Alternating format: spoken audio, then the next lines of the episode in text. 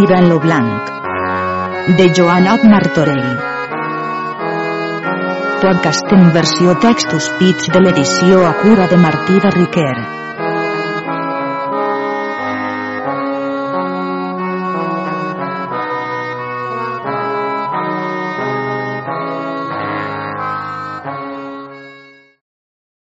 Episodi 1.2 Part primera, tirant a Anglaterra. Capítols del 13 al 27. Capítol 13. Lletra de batalla tramesa per lo rei de la Gran Canària al rei d'Anglaterra. A tu, rei cristià, qui senyorejaves l'illa d'Anglaterra, dic jo, Abraham, rei i senyor de la Gran Canària, que si tu vols que aquesta guerra fine entre tu i mi cesse la mortaldat entre lo teu poble i lo meu, si ve jo en esta illa d'Anglaterra sia més poderós que tu no est, així de viles com de castells com de gentes forts de cavalleria, car si lo gran Déu t'ha donada victòria sobre la mia gent, jo i los meus la ben aguda de tu i de tots los teus moltes vegades dins la tua pròpria terra, em però si tu volràs que no hi haja més escampament de sang, entrem en camp clos rei per rei, sots tals pactes i convinences, que si jo vens a tu, tindràs tota Anglaterra sota la mia potestat senyoria. Em faràs de trau 200 mil i a nobles cascun any, en la festa del gran Sant Joan vestiràs unes robes mies, les quals jo et trametré, e aquell dia t'hages a trobar en l'una d'aquestes quatre ciutats, sois, en la ciutat de Londres, o de Conturberi, o de Salisbury, o en esta ciutat de Baruic per so com així so està desconfit. E així vull que es faça la primera festa, e això serà en memòria recordació de la victòria que jo hauré aguda de tu, e si fortuna administra que tu si és vencedor, jo me'n tornaré en la mia pròpia terra i tu restaràs a pau en la tua, e amb gran repòs i tranquil·litat tu e tots los teus, e més te restituiré totes les viles i castells que amb la mia pròpia mà victoriosa he guanyat i conquest. Aquestes paraules no són per vanaglòria ni per menysprear la corona real, mas per so com Déu és gran i darà cascú la part que per sos mèrits serà mereixedor. Capítol 14 Com los ambaixadors del rei de Canària portaren la lletra de batalla al rei d'Anglaterra. Partiren dos grans cavallers moros del castell d'Alimburg, los quals trametia lo rei de Canària a la ciutat de Baruic per ambaixadors al rei d'Anglaterra, e ans de llur partida trameteren un trompeta a la ciutat per demanar-se al conduït. Com lo trompeta fon al portal de la ciutat, les guardes li digueren que s'esperàs un poc que tornarien-li resposta. Una de les guardes anaren prestament al rei per dir-lo i, lo rei, agut son consell, deixa la guarda que el deixassen entrar. Com lo trompeta fon dins la ciutat, lo comte de Salisbury parla a pell dis-li. Trompeta, jo us dic de part de la majestat del senyor rei que los ambaixadors poden venir salvament segura, que no els serà fet negun dan. El lo comte donà-li una roba de seda sent nobles. Lo trompeta se'n tornà molt content, e ans que los ambaixadors vinguessin, l'ermità dix al rei les següents paraules. Senyor, espantem aquests moros de vista, ordene vostra altesa dos grans senyors que isquen al portal per rebre los ambaixadors, e vagin amb molta gent ben armats, tots en blanc, mas que no porten bacinets al cap, e al portal per guardar aquell estiguen 300 homens així armats com los altres, e faça l'excel·lència vostra emparamentar tots los carrers per on han a passar, e totes les dones e donzelles així velles com jovens, qui comportar-ho poran, per les finestres i per los terrats posen draps a l'entorn, tant als que donen a les dones fins als pits, e cascuna d'estes tinga una armadura de cape com los ambaixadors passaran, veuran l'arnès lluir, pensaran que tot és gent d'armers. E los 300 qui guardaran lo portal, a les espaldes, per altres carrers desviats, isquen per les places i cantons, e com los ambaixadors seran passats, facen així com he dit, fins que si endavant l'altesa vostra. E certament ells prendran gran espant, com veuran tanta gent d'armes a la batalla camp perduda, que no saben com ni en quina manera, e ara que vegen la molta gent, hauran a creure que socors de moltes gens nos és vengut d'Espanya o de França o d'Alemanya.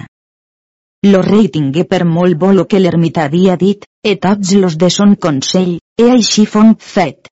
Elegiren al duc de l'encastre al comte de Salasbury que rebesen los ambaixadors, e a pells anassen quatre mil homens, e cascú d'aquells portasen lo cap una garlanda de flors. Isqueren fora de la ciutat per recebir los ambaixadors una bona milla. Dix lo duc de Betafort. Diga-ho, pare ermita, puix tantes cerimònies han de fer, los ambaixadors, com trobaran al rei, vestit o despullat, o armat o desarmat? Sira no hi mesclau en vostres paraules dix l'ermità, bona demanda feu, em però veig lo que signifiquen vostres paraules, que és més inclinació de mal que de bé. Per so com sovell ermità, me voleu vituperar en lo consell davant Monsenyor lo rei, arreglau-vos en vostre parlar, si no, jo us posaré una brida en la boca que us faré parar a cada pas. En això, lo duc se lleva de peus, amb les mans a l'espasa, e dix, sinó perquè sou tan vell e portau l'hàbit de Sant Francesc, ap aquesta espasa, la qual és venjadora de paraules injurioses, jo us acursaria les faldes fins a la meitat de la cinta. En això lo rei se lleva en peus amb molta ira que tenia, he pres al duc, he llevat l'espasa de la mà, e feu-lo posar pres dins una gran torre. E tots los altres senyors que allí eren, pacificaren a l'ermità, segons s'edat l'hàbit que portava devia perdonar, ell font content perdonar. Ell a més lo rei ho admeté, per molts pregs i suplicacions que l'ermità i los altres magnats senyors li feren, ans a Pungin lo volia llançar perquè isqués a recebir los ambaixadors. Estant en aquestes congoixes, portaren nova al rei com los ambaixadors moros venien, e prestament isqueren los qui eren estats gelets, ab tot aquell orde damunt mencionat. Com los ambaixadors foren davant lo rei, donaren-li la lletra de batalla a la creença en sems, en presència de tots lo rei feu llegir la lletra. El ermità s'acostà al rei a dir-li. Senyor, vostra altesa accepte la batalla, Llavors lo rei dix, jo accepte la batalla, segons les condicions que el vostre rei demana. He pregar als ambaixadors aturassen allí fins en l'endemà, que els daria major resposta, feu-los molt bé aposentar, e donaren-los totes les coses necessàries per a la humanal vida. Lo rei aplega Consell General, en aquell espai que s'ajustaven l'ermità altres senyors se n'anà al rei, agenollars als seus peus, e besar-li la mà a lo peu, e amb grandíssima humilitat lo suplicà que fos de sa mercè, li volgués donar les claus de la torre perquè pogués traure lo duc, per so com lo rei les tenia ben guardades. E tantes foren les suplicacions de l'ermità, a los altres senyors que li ajudaren, que al rei fon forçat donar-les i, el ermità altres anaren a la torre on estava pres lo duc, e allí trobaren un frare qui l'oia de confessió, car certament ell se tenia per mort, e com sentí obrir la porta, pres tan gran alteració que pensà eixir de seny, pensant que el volien traure per fer-ne justícia. Com l'ermità lo veu, dix-li. Senyor duc, si vos haveu a mi algunes paraules injurioses, e jo a vos, en gràcia e mercè vos demane que en perdoneu, que jo de molt bona voluntat vos perdone.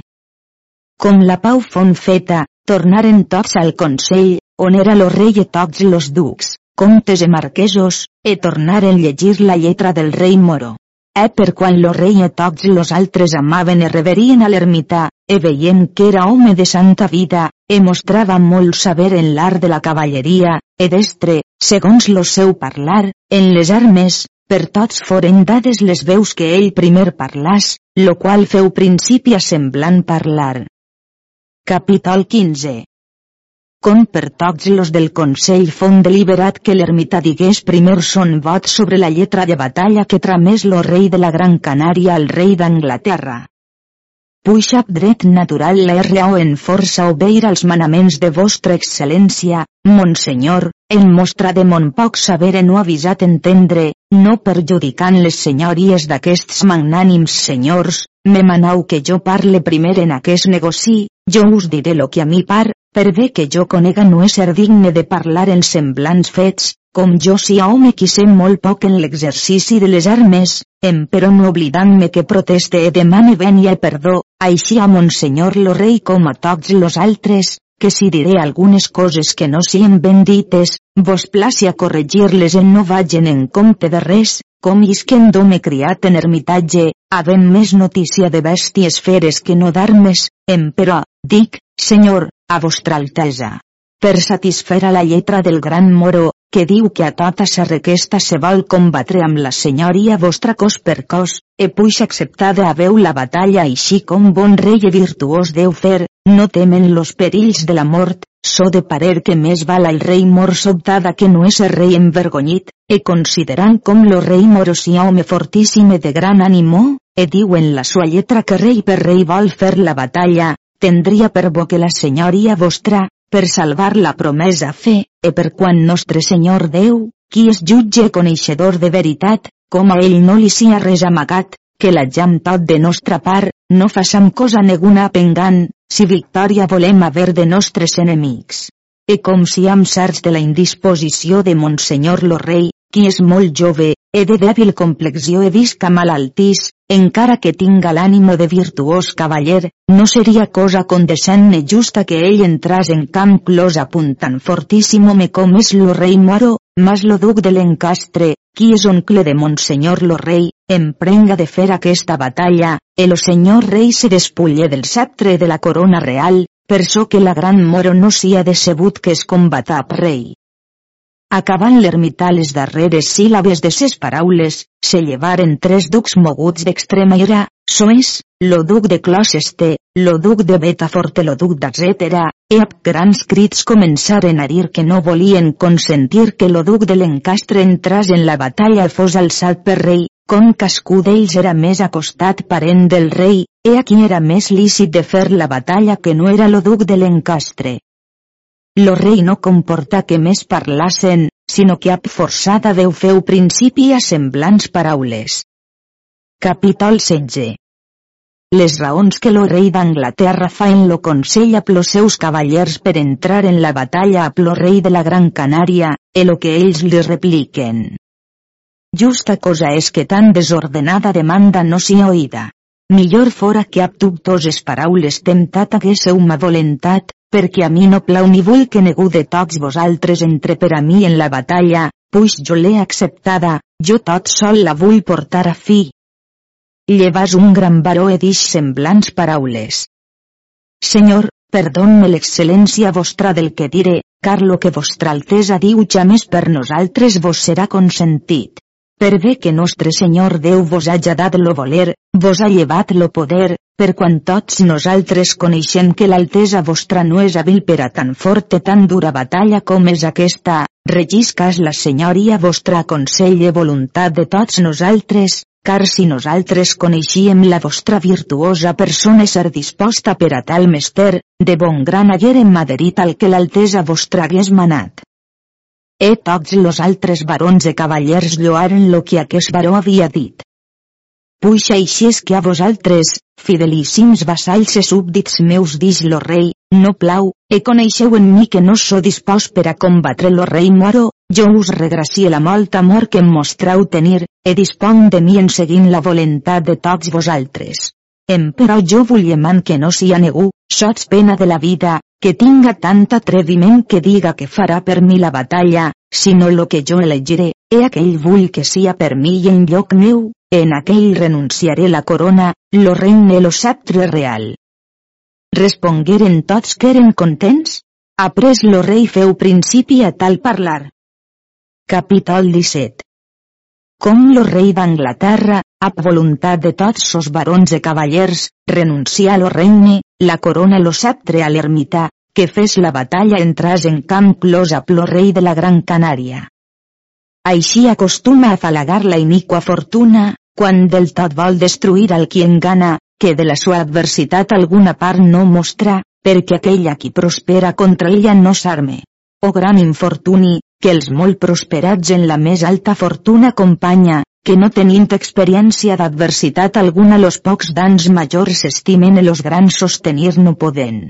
E per so, ducs, comtes e marquesos, e tots los altres súbdits fidelíssims meus, vull manifestar que, puixa la divina providència és estat plasent que m'ha privat de la força e corporal sanitat, e tots vosaltres me dieu e afirmau jo no ser suficient per entrar en camp clos, volent en seguir a la molt amor e bona voluntat de tots vosaltres, jo done mon lloc, lo sceptre la corona real, e despull-me de tota ma senyoria, e done la de bon grat, no constret ni forçat ni a pactes ni convinences, al meu amat pare ermita, qui ací presentes. Despullàs les seues robes e dix semblants paraules, així com jo em despulle aquestes vestidures reals, he les viste pose sobre lo par ermita, així em despulle de tot lo meu regne senyoria, donantes revestint-lo sobre lo par ermita, e prec lo que li placia d'acceptar-ho e que faça la batalla per mi a plo rei moro. Com l'ermità oí dir semblants paraules al rei, llevas molt pres per voler parlar, e tots los grans senyors que allí eren d'un acord se llevaren e tingueren tan a prop a l'ermità que ja més lo lleixaren parlar, ans li despullaren l'hàbit que vestia e feren-li vestir les robes reals. El o rei renuncià tota la sua senyoria sobre l'ermità pacte de notari, en presència de tot lo consell e ab consentiment de tots los barons. He vistes per lo rei ermita les pregàries de tots los del consell, accepta lo regne la batalla, e prestament demanar que li portassen unes armes que li vinguessin bé. Portaren-li moltes, em però de totes quantes li importaren no n'hi hagué ningunes que li vinguessin bé al plaer seu.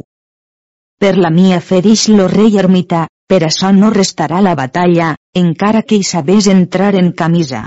He prec vos, Senyors dix lo rei ermita, vos placia voler anar a la comtessa, e pregau-la molt carament que per la sua molta virtut e bondat me vull prestar les armes de son marit en Guillem de Baroic, aquell sap que ell acostumava a entrar en les batalles. Com la comtessa veu venir tants ducs, comtes e marquesos, e tot lo consell del rei, e oi lo perquè venien, respòs la virtuosa comtessa dix que era molt contenta, e donals unes armes que no valien molt. Lo rei com les veu dix. No són aquestes les que jo demane, car altres n'hi ha que són molt millors. E tots los barons tornaren altra volta a la comtessa demanaren-li les altres armes, e la comtessa los dix que no n'hi havia altres. Cobrada la resposta, lo rei dix. Senyors e germans meus, anem i tots així com estam, ensatjarem nostra aventura. Com tots foren davant la comtessa, dix lo rei. Senyora comtessa, per vostra gran bondat i gentilesa vos prec me vulleu prestar les armes que eren de vostre marit en Guillem de Baroic.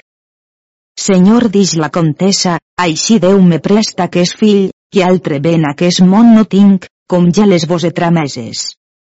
Veritat és dix lo rei, em però no són aquelles les quals jo demane, em prestau-me vos aquelles qui estan en lo petit retret de la vostra cambra, les quals són cobertes d'un domàs verd i blanc. Dix la comtessa, qui donà de genolls en terra. Senyor, en gràcia i mercè demane a vostra senyoria que em a fer certa de vostre nome com coneixieu vos a Monsenyor lo comte Guillem de Baroic. Capítol 18 La resposta que lo rei ermità feu a la comtessa de Baroic, com lo suplicà que li fes mercè de dir-li son nom ni quina amistat havia tenguda amb son marit lo comte Guillem de Baroic, e lo que ell li respongué, recitant-li les batalles de la ciutat de Rom, e dels seus actes.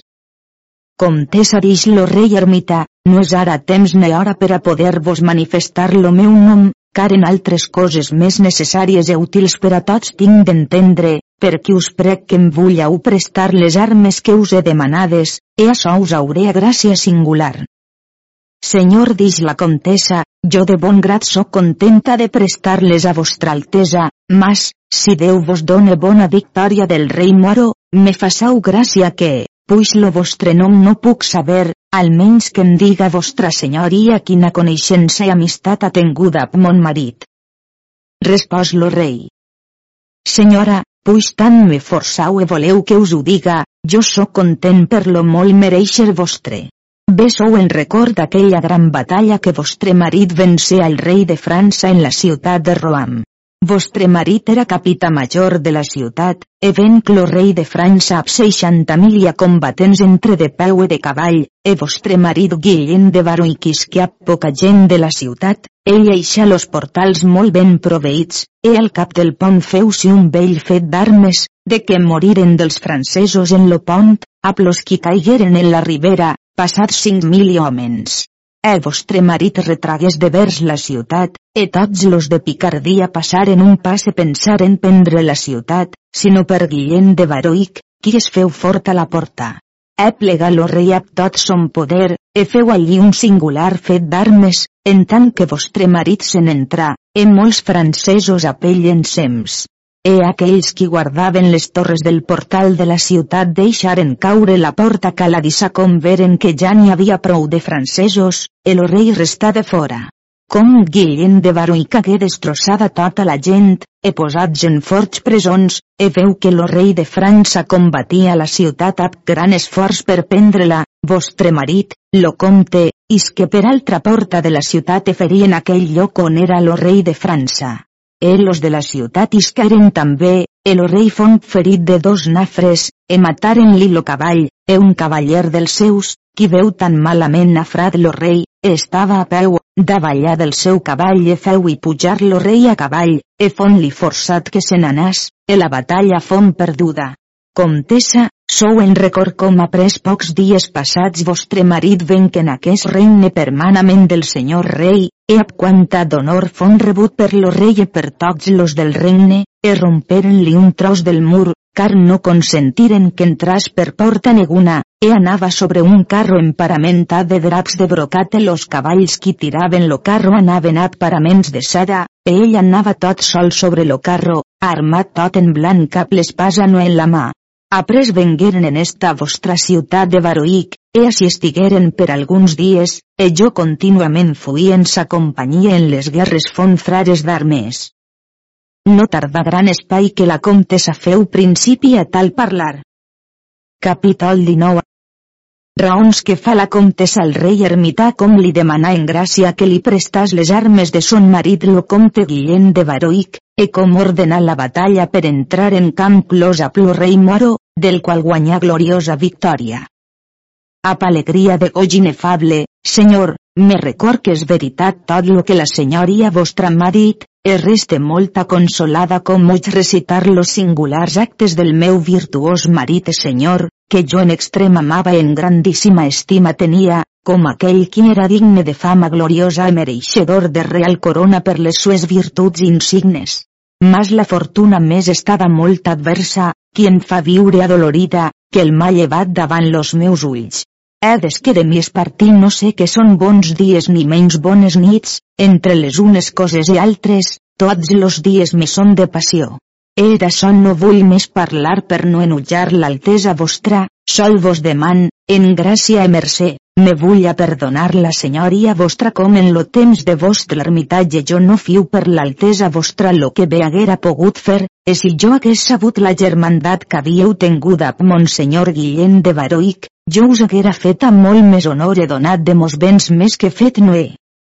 Molt font content lo rei de les paraules de la virtuosa comtessa. I ha un no erra no fretura demanar perdó. Vostres virtuts són tantes que no es podien recitar, ni jo no us bastaria a fer les gràcies del que us sou obligat. Sol vos prec, per la vostra gran virtut i gentilesa, que les armes que us he demanades me vulleu prestar.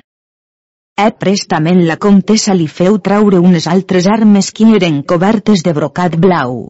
Com lo rei les veu, dix. Senyora comtessa, com teniu ben guardades les armes de vostre marit. Per molt que aquests senyors se jo vos hajan pregada, no les nos haveu volgudes prestar. Aquestes són les que Guillem de Baró i que entraven los torneigs, aquelles que jo demane estan penjades dins lo vostre retret, qui són cobertes d'un domàs blanc i verd, a un lleó d'or coronat, e a aquelles se jo ve que ell entrava en les molt cruels batalles.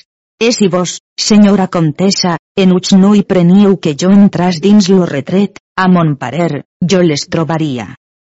Ai trista dix la comtessa, perquè tota vostra vida se heu criat en esta casa.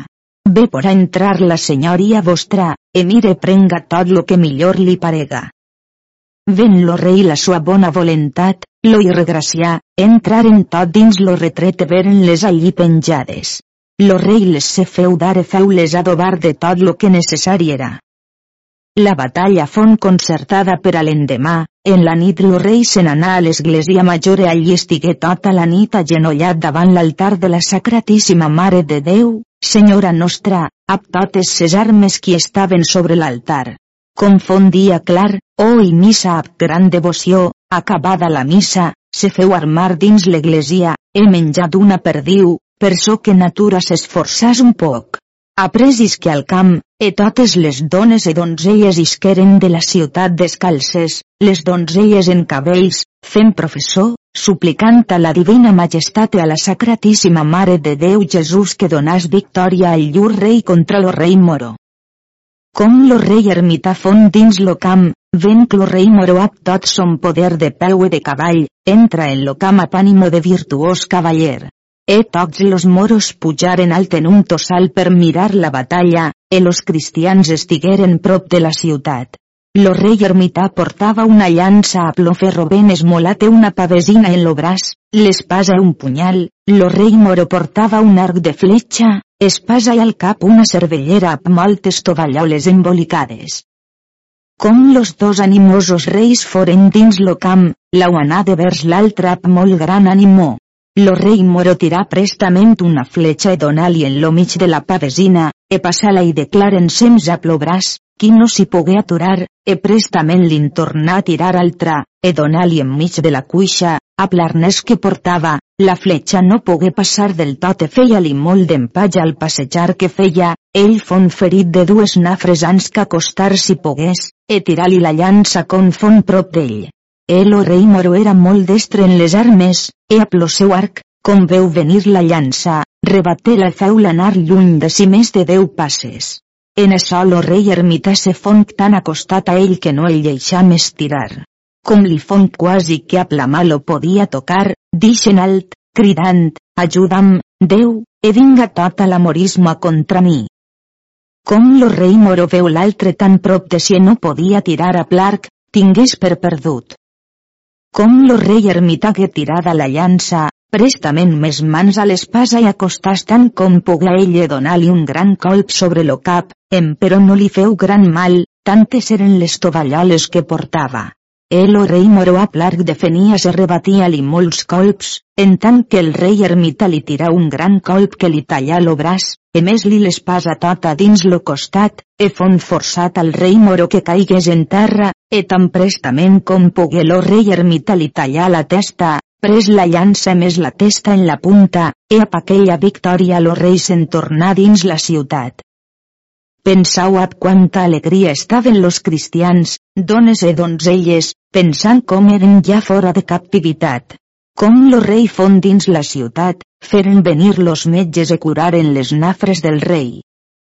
Lo dia següent, de matí, lo rei tingué son consell en la cambra on jaia, e fon deliberat que trametessin dos cavallers per ambaixadors als moros, dient-los que volguessin observar les convinences per ells promeses e jurades per tots ells, e se'n podien anar salvament segura, ab tots llurs navilis, robes, joies, en ses pròpies terres, sens que per ningú del regne no els serà fet mal nedant. Com los ambaixadors foren elets, trameteren un trompeta per sal conduït. Los moros foren contents de dar-los al conduït tan bastant com lo volgueren. Los ambaixadors partiren, con foren junts a los moros explicaren llur ambaixada. Feren-los ben aposentar e pregaren-los que esperasen la resposta. E això digueren per fer-los una gran maldat, car tornaren en major malícia per la molta dolor que tenien de l'amor de llur rei. Entre ells fonc molt gran altercació a qui farien rei. Los uns volien que fos Calé ben Calé, los altres volien que fos Aduque Perec, cosín germà del mor rei. Feta l'elecció per ells de Calé ben Calé, per so com era bon cavaller valentíssim, de continent que l'hagueren alçat rei manà que prenguessin los ambaixadors e tots los qui eren venguts a pells, e feu-los matar llevaren-los a tots les testes e posaren-les dins una sàrria, e a punes les trameteren de vers la ciutat. les guardes qui estaven en les torres de la ciutat veren dos ginets a plaça que feien anar, com foren prop de la ciutat desempararen l'as e tornaren-se'n molt corrent. Lo capità de les guardes veu lo cas, manà deu amens a cavall que anassen a veure quin cas era aquell, com ho hagueren vist, no volgueren ser eixits per a veure un tan nefandíssim cas, ne tan gran perdició, e prestament ho anaren a dir al rei e a tot lo consell. Com lo rei saber tal novitat, posat fonc en gran admiració d'ix semblants paraules. Capítol 20 Lo vot solemne que lo rei ermità feu, estan nafrat per lo rei de la Gran Canària. Jo he ofert a la mia persona en perillosa conquesta, e açò perquè eternament ma fama revisca, car estime morts lo jorn primer de llur naixença aquells qui, en tenebres d'escura vida, així callat ociós viure passen, que ans d'aquest món los implacables fats los transporten que a coneixença d'algú lo seu viure previnga, essents menys que pedres o arbres, los quals, per útils propietats e suavitat de fruits delitosos, los vivins en gran estima colen. E aquells estime gloriosament viure, los quals a pestrenuitat d'animo, morin sens ja més poder morir, en segura vida, ab serenitat de gloriosa fama eternalment reviuen. O infels crudelíssims he de poca fe, car no podeu donar lo que no teniu. Ara ja fas vot solemne, així nafrat com estic, de ja més entrar dins casa coberta, si no és església per oir missa, fins a tant que jo hagi llançat tot aquest amorisme fora de tot lo regne. E prestament se feu dar la roba i llevàs del llit, e feu tocar les trompetes, e lo primer qui isque fora de la ciutat fon lo rei, e feu fer crida que tots quants fossen d'onze anys en sus e de setanta en avall, sots pena de la vida, tots l'haguessin a seguir. E aquell dia tendaren-se en aquell lloc on los moros eren estats vençuts, en aquell cas lo rei feu traure molta artilleria necessària per a la guerra. Com la virtuosa comtessa saber que lo rei tal crida feta fer havia, e tota la gent lo seguia que fossin d'onze anys en sus, fonc molt atribulada, coneixent que son fill era comprès en aquella, e era forçat d'anar-hi, e ab gran cuita, a peu, ella anà on era lo rei donant dels genolls en la dura terra, ab veu piadosa feu principi a paraules de semblant estil. A vos, rei prudentíssim, antic en benaventurada vida, a la vostra santedat mèritament s'esguarda haver pietat e compassió de les persones afligides, perquè jo, adolorida comtessa, vinc a la vostra excel·lència a suplicar que així com sou misericordiós e ple de tota bondat e virtut, que hageu pietat de mi, com no tinga en aquest món altre bé sinó aquest fill, qui és de tan poca edat, que en res no us pot ajudar, e sia de vostra mercè ser en record de la gran amistat, amor e confederació del meu virtuós marit, a lo qual vostra altesa ha tenguda tanta amistat en lo temps de les guerres e batalles, e reduesca la memòria de la senyoria vostra aquelles almoines e caritats que en lo temps del vostre ermitatge jo us feia dar que us placi a obeir als meus desitges e suplicacions, sois, que em vull ulleixar mon fill, qui és orfe de pare, e jo no tinc altre bé ab qui en puga consolar sinó ap aquest miserable de fill. Doncs, senyor, puix sou pare de misericòrdia i de pietat, obtinga de la mercè vostra aquesta tan alta gràcia, per qui jo i mon fill per a sempre restem obligats a la senyoria vostra. Lo rei conegué la desordenada voluntat de la comtessa, e no tardà de fer-li tal resposta. Capítol 21 Com lo rei ermita s'excusa que no volgué lleixar a la comtessa son fill. Molt vos desitjara obeir, senyora comtessa, si la vostra demanda fos honorosa i justa, com l'honor estima de vostre fill jo tinc per mia, car sabuda cosa és que los homens han d'exercitar les armes i han a saber la pràctica de la guerra lo gentil estil que aquest benaventurat orde de cavalleria té, és deguda cosa i de bona consuetud que los homes d'honor en gran joventut deuen principiar les armes, car en aquella edat aprenen molt millor que els altres, així en batalles de camp plos com en guerres guerrejades. Eh per quant aquestes ara en la millor edat del món per veure sentir les honors grandíssimes que els cavallers aconsegueixen en semblants fets exercint virtuosos actes, perquè jo vull portar en ma companyia i tenir-lo en compte estima de fill, e jo fer-li tot aquell honor que em serà possible, per amor de son pare per contemplació vostra. Oh quina glòria és per a la mare tenir fill jove dispòs que si ha trobat es troben semblants batalles dignes de gloriosa fama. Eh per so és de necessitat que vinga ell a mi, e jo demà fer-le cavaller per so que ell puga imitar els virtuosos actes de son pare Guillem de Baroic, e si ara hi va, tots los bons cavallers lo tindran per millor, e jo, qui tant te amat a son pare en vida, també lo dec amar en la mort, car en aquest món ja més porti més voluntat i amor a home ningú com a vostre marit, e ara en lloc seu vull amar i honrar a son fill, per so com a present altre bé no li puc fer. Perquè us prec que us consell, virtuosa comtessa, que us ne torneu dins la vostra ciutat, e que em deixeu així vostre fill. Per ma fe dix la comtessa, senyor, vostre consell no en par bon nivell per a mi, Vol-me dar entendre vostra senyoria que aquesta art de cavalleria és benaventurada. Ans vos dic que és prou desaventurada, dolorosa, trista i de mal servir. Sí, voleu major experiència que de vostra senyoria? Car ahir éreu i alegre, e ara vos veig prou trist, coixo e malalt, e trists d'aquells que hi deixen les persones.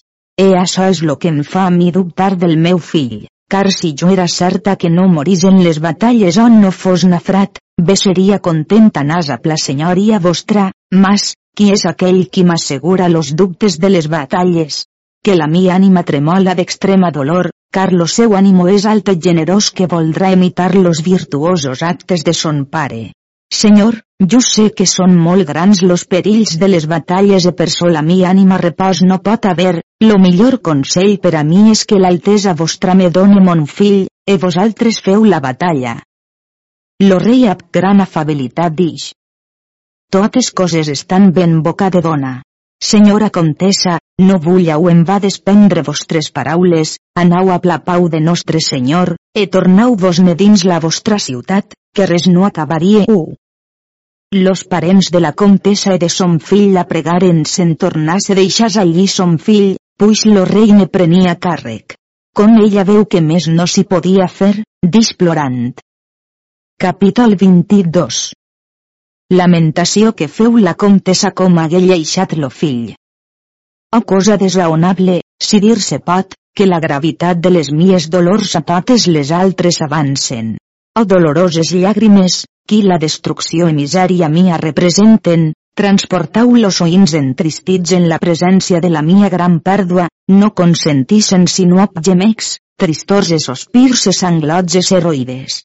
Aquestes són dolors de mare qui no té sinó un fill, e aquell per força li és llevat oferint-lo a la cruel, espantable dolorosa mort amb senyals de molta amistat e amor. O mare, semblant a ovella fecunda, qui has parit lo fill per a ésser mort trossejat en la cruel batalla. Mas, que m'aprofita dolre sobre cas irremeiable, puix lo rei no pot haver pietat de mi ni de mon fill. Lo rei, mogut de compassió de les adolorides paraules i lamentacions de la comtessa, corrent dels seus ulls espesses llàgrimes, apartàs un poc que dix als parents de la comtessa que la portassen a la ciutat. Dos cavallers qui parents eren de la mare del fill llevaren la dolorida comtessa de terra, en braços la portaren fins al portal de la ciutat, aconhortant-la en la millor manera que podien. Veus pensau vosaltres dix la comtessa a conhortar la mia grandíssima dolor, car con més paraules me dieu de consolació, més me turmentau e major penes en la mia atribulada ànima. Eh per aquest sol fill que a mi resta jo so dita mare, e si aquest mor en la batalla, què serà de mi, trista, desaventurada, qui hauré perdut marit e fill i tot quan ve tenia en aquest miserable món. Eh no fora millor jo fos morta, anys que veure tanta dolor davant los meus ulls, he hagués hagut vida lo meu marit e son fill, que em valen a mi los béns ni les riqueses, puix so destituïda de tot goig, plaer e consolació e tot mon fet no és sinó abundar en llàgrimes doloroses e viure en contínues lamentacions? Almenys me fes Déu gràcia que pogués atènyer a la ver delitosa riba del gran riu, on, oblidant los meus passats e esdevenidors mals, passàs eterna i reposada vida. Acabant la comtessa semblants paraules, lo fill feu principi a tal parlar. Senyora, Jo us suplic que sia de vostra mercè que no ploreu ni vulleu fatigar la vostra virtuosa persona per mi, e jo us bese les mans de la molta extrema amor que en la senyoria vostra tinc coneguda.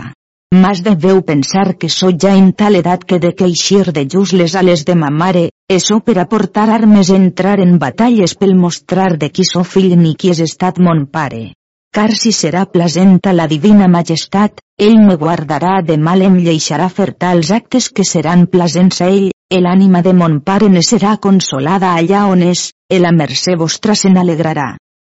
Com la comtessa li oi dir tals paraules, giràs de versos parents, que la portaven, erix-los. Ara deixau-vos morir per fill ningú. Jo pensava que la voluntat del meu fill fos conforme a la mia, apartant-se de vosaltres, es amagaria per los racons per fugir als perills de les batalles, perquè és de poca edat, e jo veig que ell fa tot lo contrari. Bé és veritat l'exemple vulgar que diu, per natura casa ca. Com foren al portal de la ciutat, los cavallers prengueren comiat per tornar al camp, lo fill donà dels genolls en la dura terra i besar los peus i les mans a la boca a la mare, e suplicar la que li volgués donar la sua benedicció, e la comtessa lo senyà e dis-li. Mon fill, nostre senyor Déu te vull a tenir en la sua protecció i custòdia et guarde de tot mal. He besat moltes voltes al de partir, e dix la comtessa. Tan trist comiat és aquest per a mi, que altra cosa no en fallia per augmentar la mia misèria. Com lo fill fon partit, la comtessa se n'entrà dins la ciutat, fent molt grans lamentacions, en moltes honrades dones de la ciutat l'acompanyaven aconhortant-la en la millor manera que podien.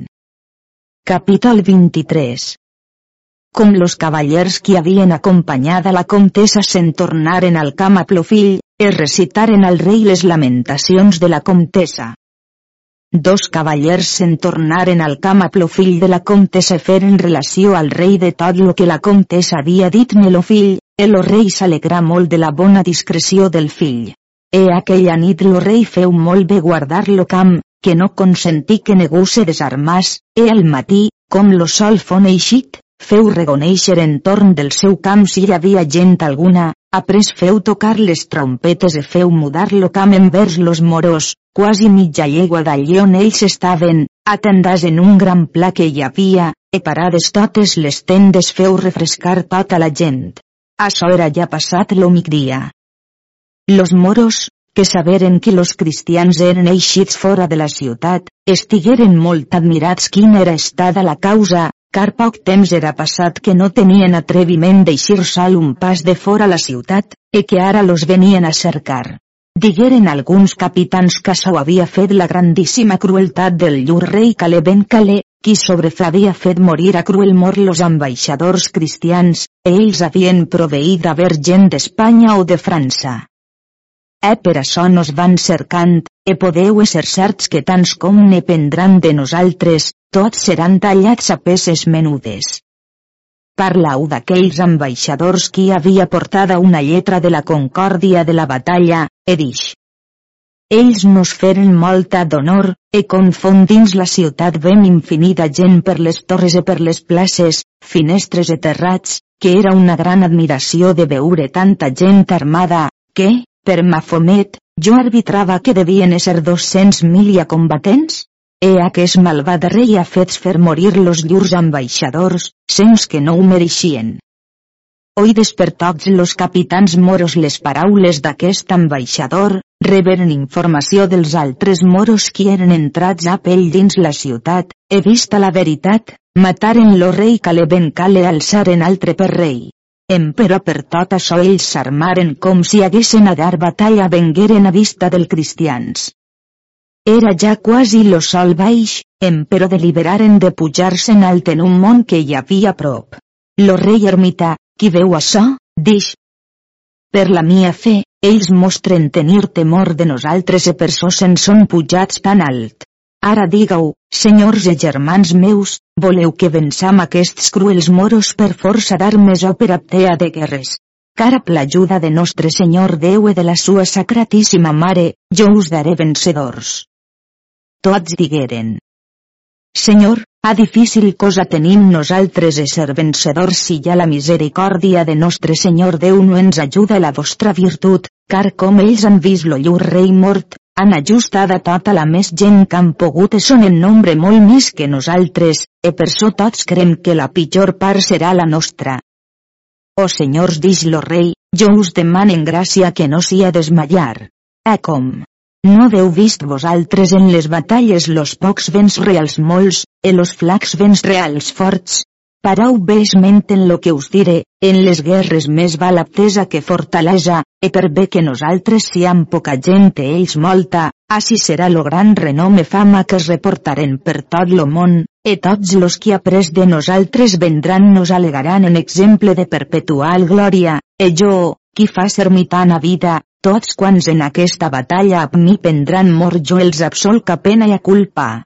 E cascú deu esforçar lo seu ànimo en semblants actes e no tembre los perills de la mort, car més val morir com a cristians que no ésser catius en poder d'infels. Doncs, cascú deu fer esforç per bé a fer, e donem la batalla e siam venedors com se vulla que sia, car no serà príncep en lo món que incriminar-nos puga d'infidelitat ne de poc ànimo, que no hagam fet tot lo possible en defendre'ns d'aquests infels enemics nostres, que ens volien llevar la nostra pròpia terra, e les mullers, fills i filles jutjar a perpetual captivitat.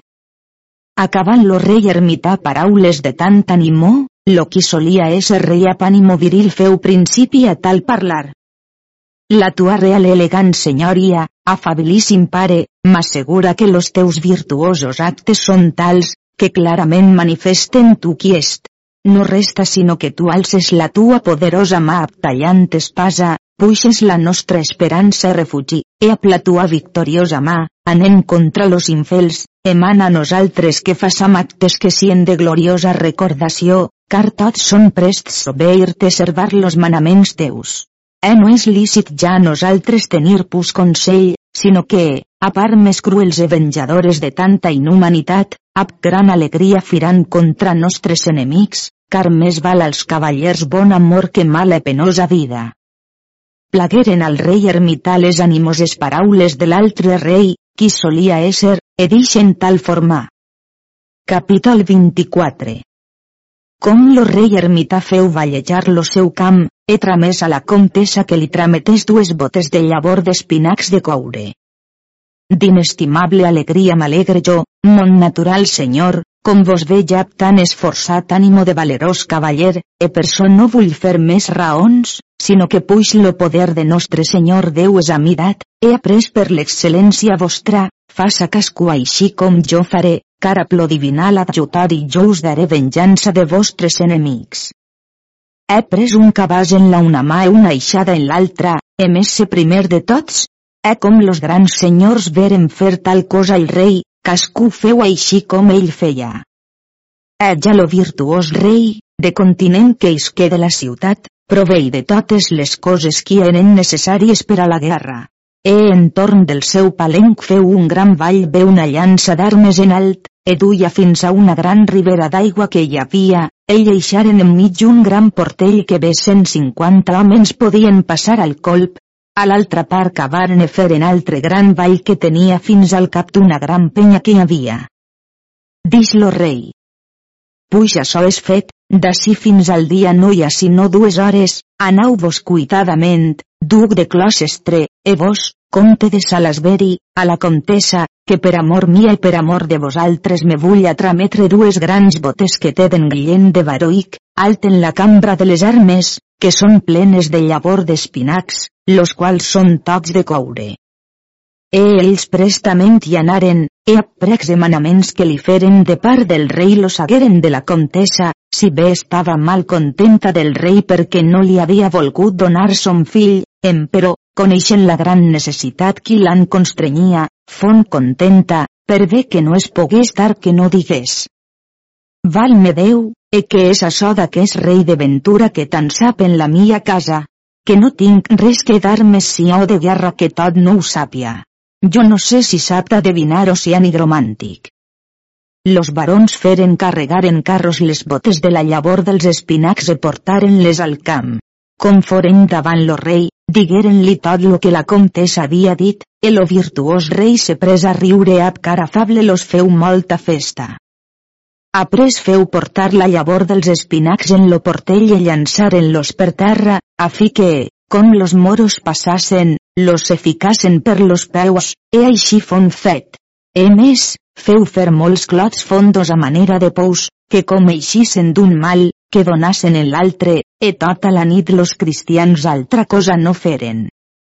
Com clarejar començà l'alba, los moros feien grans alegries, sonant tabals, trompetes i anafils, e ap multiplicades veus cridaven batalla, e ap aquella alegria del món baixaren, venint contra la gent cristiana. L'ermita rei manà que tota la gent s'ho estigués en terra agitada, fent demostració que dormien, com foren quasi a pret de bombarda, se llevaren tots, mostrant ser mal destres en la guerra, e començaren a ordenar-ses batalles. Com los moros foren dins lo portell, dix lo rei. Senyors, en gràcia vos deman que no sia desmayar, voltem l'esquena fengint que fugim. E los moros, que fugir los veien, cuitaren lo més que pogueren. Com foren dins lo dit portell, que per altra part passar no podien, ficaven-se aquells grans de coure per les soles dels peus. Com lo virtuós rei ermita veu los moros dins lo portell, feu un poc de tenir la gent sua, així com aquell qui era en la guerra en les armes d'estre, e veu aturar los moros per les nafres de la llavor dels espinacs, e altres que caien en los pous, qui eren coberts de rama i de sus terra. Llavors lo rei a palta feu se pres a cridar. Capítol 25 Com lo rei ermità donà la batalla als moros e fon vencedor. O cavallers dignes d'honor, deixau la vista de la ciutat e girau la cara als enemics de la cristiana fe nostres, firam ab gran ànimo, que la jornada és nostra, donem-los cruel batalla, e no prengam ningú a mercè. Lo rei fon lo primer feridor, après, tots los altres. Los moros, qui veren tan bravament ferir los cristians e tots los demés no es podien moure per les grans nafres que tenien, los fon forçat de morir e fon feta molt gran destrucció d'ells. Los qui venien detrás, com veren que los cristians havien feta tan gran destrossa dels moros, sense fer resistència alguna fugiren de vers lo castell d'allí on eren partits, e feren-se allí forts. Lo rei perseguí l'encals, matant e degollant tants com aconseguir-ne podien. Lo rei, fatigat per les nafres que tenia, aturàs un poc, e prengueren un moro molt alt de desmesurada figura, e lo rei, après que hagué fet cavaller lo fill de la comtessa, volgué que matàs aquell moro. El lo fadria gran ànimo li donà tants colps a l'espasa fins que l'hagué mort. Com lo rei veu mort lo moro, pres al petit infant per los cabells i llançar damunt lo moro, e fregal fort, que los ulls de la cara tot estava ple de sang, e les mans li feu posar dins les nafres, e així l'enconà en la sang d'aquell moro. Apresis que molt valent cavaller e virtuós de sa persona, tant valgué en son temps, que en una gran part del món no s'hi trobà cavaller que tant valgués. Com lo bon rei veu la batalla vençuda anar seguint los moros, e tants com n'aconseguien tots los feien morir. Aquesta font la més gran desconfita i mortaldat de gens que en aquell temps fos feta, que en espai de deu dies moriren 97.000 moros. El o rei per les nafres que tenia no podia molt anar, aportaren-li un cavall perquè cavalcàs. Verament dix lo rei, no faré.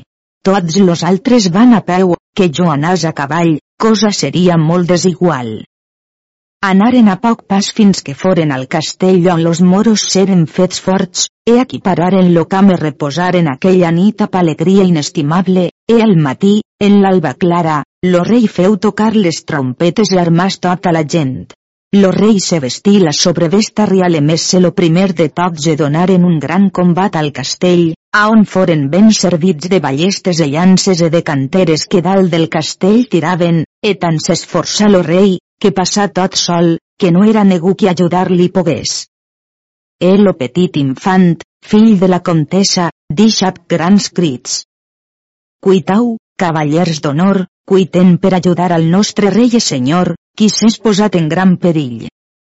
He pres una pavesina petita que un patge li portava, e més serins lo vall per passar ja on lo rei era. Los altres, qui veren lo petit infant que passava, tots se lleixaren anar al col per passar a l'altra part, on foren molts cavallers morts en afrats, em però l'infant, a l'ajuda de Nostre Senyor, no pres mal negu. Com tots foren passats, hagueren foc e molta llenya posaren foc a la porta del castell, e d'allí posasen la primera coberta. L'infant se pres a cridar tant al com pogué dix. O dones angleses, eixiu de fora tornau en vostra primera llibertat, car vengut és lo dia de la vostra redenció. 309 dones estaven dins lo castell.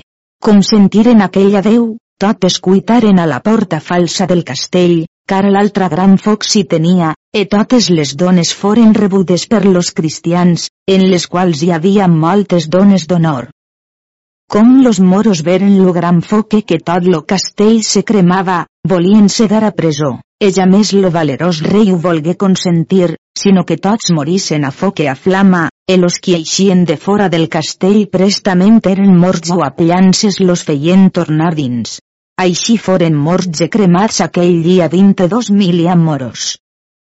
Partí lo rei ermità del castell amb tota la gent, e anaren per tot lo regne en aquelles parts que los moros preses havien. No trobaren moro ningú que mercè ells volguessin prendre anaren fins al port d'Antona, on trobaren allí totes les fustes en habilisat que eren venguts, e tots los moros que trobaren en les fustes llançaren en mar e cremaren totes les fustes ab que eren venguts. Après lo rei ordenà e feu llei general que qualse volgués moro qui entràs dins l'illa d'Anglaterra, per quins afers se volgués, que morís sens neguna mercè. Com hagueren recobrat tot lo regne, lo vot fon complit del rei, e a tota la gent se'n entrà dins la ciutat de Baroic. La contessa, com sabé que lo rei venia, que a rebrelap totes les dones e donzelles de la ciutat, car homes no n'hi havia restat sinó los que eren malalts o anafrats. Com la comtessa fon prop del rei donà dels genolls en la dura terra, e totes les altres dones, cridant a paltes veus. Bé si ha venguda la senyoria del rei vencedor. El o virtuós senyor, ab cara afable, les abraçà totes d'una en una, e pres la comtessa per la mà anaren així parlant fins que foren dins la ciutat, e la comtessa feu l'infinides gràcies de la molta honor que feta havia a son fill, he après les feu a tots los altres grans senyors. Capítol 26 Com lo rei ermità se manifestà a la comtessa sa muller. Havent reposat per alguns dies, lo virtuós rei ermità, puix havia donada fi a la guerra i posat tot lo regne en tranquil·le pau e segur estament, un dia, estant en la sua cambra, delibera manifestar-se a la comtessa, muller sua, e a totes les altres gens, perquè Puspres pogués restituir la senyoria al primer rei i tornàs a fer l'acostumada penitència. Crida un seu cambrere donar-li lo mig anell que havia partit a la comtessa com d'ella pres comiat volent anar a la casa santa de Jerusalem, e dis-li. Amic, ves a la comtessa i dona-li aqueix anell i digues-li semblants paraules. Lo cambrer anà prestament a la comtessa, agenollàs davant ella i dis-li. Senyora, aquest anell vos tramet aquell qui d'amor infinida vos ama Deus ama. La comtessa pres l'anell i alteràs tota com lo veu e fon posada en fort pensament. Entrasen en la sua cambra molt prestament, e ans que obrís la caixa, agenollàs davant un oratori que tenia en lo petit retret, on era la Mare de Déu, Senyora nostra, e feu principi a tal oració. Oh mil Mare de Déu, Senyora misericordiosa, apinitio et ante saecula creada in mente divina, vos sola fos digna de portar en lo vostre verge ventre nou mesos lo rei de glòria, feu-me, senyora, complida gràcia, qui sou complida de totes les gràcies, e per aquella consolació que la vostra sacratíssima ànima hagué per la salutació de l'àngel me vull a consolar lo cos l'ànima, e qui us plàcia, senyora gloriosa, fer que lo vostre preciós fill me faça gràcia que aquest anell sia del meu virtuós marit, car jo us promet de servir-vos un any complit en la vostra devota casa del Puig de França i donar-hi cent marcs d'argent. Ell llevàs de l'oració i obrí una caixa on ella tenia l'altra part de l'anell, ajustals la guap l'altre veu que totes les armes se mostraven en l'anell que tot era u. Conegué que era del comte, son marit, e deixa molta torbació. Diga-me, gentilom, on és monsenyor lo comte de Baró i que lo cambrer entes que ho deia per son fill. Diga-me per vostra bondat si és estat pres negativat per los moros, ne que és estat d'ell que no es ha trobat en les forts batalles a rei i a plos altres cavallers, car jo crec verdaderament que si ell fos estat en llibertat sua, que no hi haguera fallit. Oh mísera de mi! E feu-me certa on és, que cuitadament hi vull anar. E volgué eixir fora de la cambra i anava tan torbada e fora de son natural sentiment, que no trobava la porta per on pogués eixir. E això causava la inestimable alegria que tenia de la venguda de son marit, e tanta font la torbació, que per de los sentiments se caigué en terra esmortida. Com les sues donzelles la veren en tal punt estar, ab grans crits llançaren doloroses llàgrimes e feren tristes lamentacions. Com lo cambrer veu estar en tal punt a la comtessa, molt espantat se'n tornà el rei a placar a molt alterada. Lo rei li dix. Amic, com vens tal? Quines noves me portes d'allà on te trames? Lo cambrer donà dels genolls en terra i dix. Senyor, per una gran ciutat jo no volguera que vostra senyoria m'hi hagués tramès. Jo no sé l'anell quina mala virtut té, ni si és estat fet per art de nigromància, que l'ha hagut vostra senyoria dels moros, car de continent que la comtessa los ha més al dit, és caiguda morta en terra. Això en part cosa de gran admiració la mala propietat que té. O Santa Maria val dix lo rei. És era veritat que la virtuosa comtessa sia morta per causa mia? Lo rei se lleva de la cadira prestament a la sua cambra, e troba la més morta que viva tots los metges qui treballaven en la salut sua.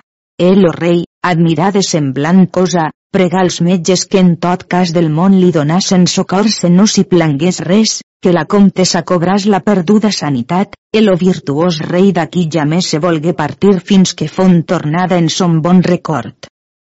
E com la comtessa hagué cobrada la natural coneixença veu lo marit rei, llevàs corrente a genollars davant ell per voler-li besar los peus i les mans, mas lo benigne senyor no ho volgué consentir, sinó que la pres del braç, lleva-la de terra abraçar i besar-la moltes voltes, en aquella hora donàs a conèixer a tots los senyors del regne a tot lo poble. La fama anà per tot lo castell i per tota la ciutat, com lo rei ermità era lo comte Guillem de Baroic, e tots los senyors, grans e pocs, dones e donzelles de la ciutat, vengueren a la cambra de la comtessa per festejar lo rei e la novella reina. Com lo fill sabé que lo rei era son pare, cuitadament anà a la cambra, agenollars als seus peus i besals i moltes voltes a ples mans ensems. E tots aquells barons prengueren lo rei i la novella reina tots ensems anaren a la major església, e aquí feren ja ors i gràcies infinides a la divina bondat, com, per mans d'un tan valentíssim cavaller, Anglaterra era estada alliberada de poder d'infels. Après tornaren al castell amb moltes trompetes e tamborinos, amb gran triomf i alegria. Com foren en la gran sala del castell, la comtessa suplicà al rei son marit a tots quants allien volguessin sopar a pella aquella nit, e cascun dia menjassen allí tant com hi aturarien, el rei i tots los altres lo hi atorgaren e foren contents? La comtessa se partí del rei, e pres totes les dones e donzelles de sa casa e prestament se despullaren, e ben arromangades en paramentar en una gran sala de molts vells draps de ras, tots obrats d'or, de seda de fil d'argent de molt gran estima. Les altres dones, les unes al rebost, les altres a la cuina, en tant que aquesta virtuosa senyora dins poc espai feu molt noblement adobar de sopar. Com tot fon prest, tramés a dir al rei que, tota hora que li fos plasent, que sa senyoria vingués a menjar a tots los altres. Lo rei, amb los altres grans senyors, entra en la gran sala, e com la veu així en orde, amb totes les viandes prestes el tinell parat de molt rica veixella d'ore d'argent, dix. Si Déu me salve la persona, ve que la comtessa ha tingut les mans en tot, com ella sia la més diligent dona del món. Lo virtuós rei manà que primer de tot se sigues l'altre rei, qui solia ésser, après feu seure la comtessa sa muller, après sigué lo rei ermità, après seien los altres ducs, segons per orde venien, après en altres taules foren col·locats los marquesos, comtes, nobles i cavallers, tots foren molt ben servits de diverses viandes, segons tals senyors eren mereixedors. E tant com en la ciutat aturaren, contínuament menjaren a despesa sua, e cascun dia s'hi feien molt grans festes. Passats que foren nou dies, vengueren 400 carros carregats d'or i d'argent, de joies i de coses de gran estima, les quals s'havien trobat en poder dels moros. Manà lo rei que aquestes joies, l'or i l'argent fos posat en poder de quatre senyors, e fon acomanat al duc de Closestre, al duc de Betafort, al comte de Salasbury i al comte de Stafford. Fet això, lo rei manà per al següent dia Consell General. Com tots foren ajustats, lo rei ermitaisque d'una cambra entra en lo consell molt ben avellat, a prova de brocat rossegant, a plumantell de carmesí forrat d'erminis, a la corona al capello sceptre en la mà, he assegut en lo consell, en presència de tots, feu principi a paraules de semblant estil. Capítol 27 com lo rei ermità restituïa al primer rei les robes, la corona, lo sceptre lo regne, e torna a servir Déu.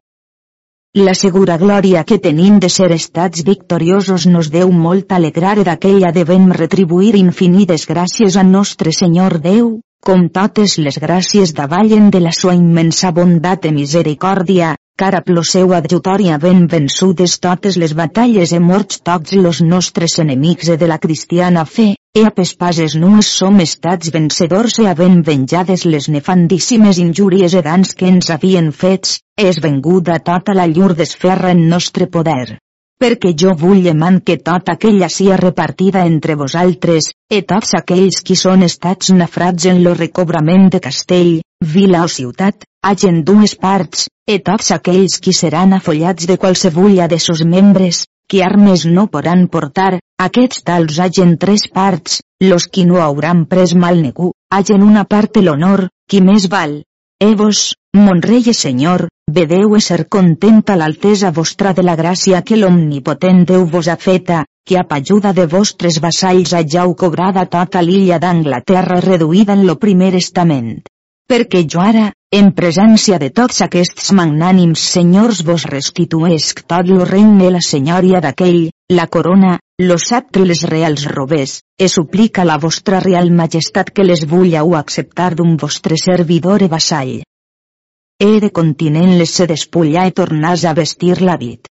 Lo rei e tots los barons lo hi tingueren amb alta virtut e gentilesa e feren l'infinides gràcies de la sua grandíssima cortesia. Lo rei se vestí les robes reals, posàs la corona al cap sceptre en la mà, e prega molt a l'ermità que li fes tanta gràcia, que volgués aturar en la sua cort, que ell li daria lo principat de Gales, e que podria tant manar en la sua cort en lo regne com la sua pròpria persona, e tots los del consell pregaren-lo molt. E ell s'excusa dient que no lleixaria lo servir de Déu per les vanitats d'aquest món. Així es pot contemplar quant era la virtut i singularitat d'aquest cavaller, que podia restar rei, e son fill après d'ell, e ja més ho volgué fer, si bé sos parents de sa muller lo n'havien molt pregat. Com lo rei veu que no volia restar en la sua cort, deliberà fes alguna gràcia al fill, per amor es guarde premiar al pare, e donar-li la major part del regne de Cornualla, e que es pogués coronar de corona d'acer en no d'altra cosa, e que s'hagués a coronar lo dia dels tres reis d'Orient lo dia de cinquagesma.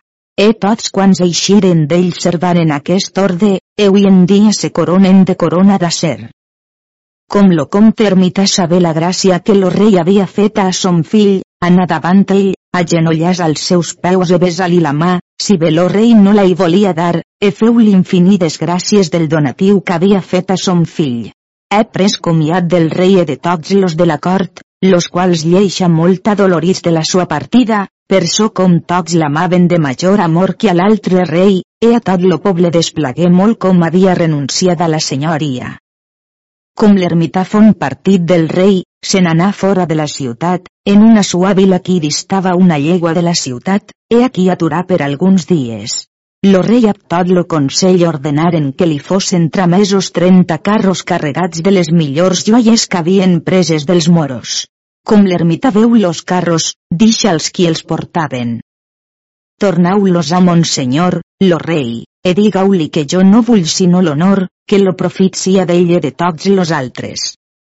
E tornaren-se prestament a la ciutat. Com lo rei i los altres senyors saberen que no havia volgut res prendre, tots digueren que aquest era lo més magnànim i virtuós cavaller que ja més fos estat en lo món, e que d'aquesta conquesta no se n'havia portat altra cosa sinó honor, perill en afres. Com la virtuosa comtessa saber que son marit se n'era anat, desemparar lo castell i no dix res al rei ni a negu, sinó abses dones e donzelles anar on son marit era.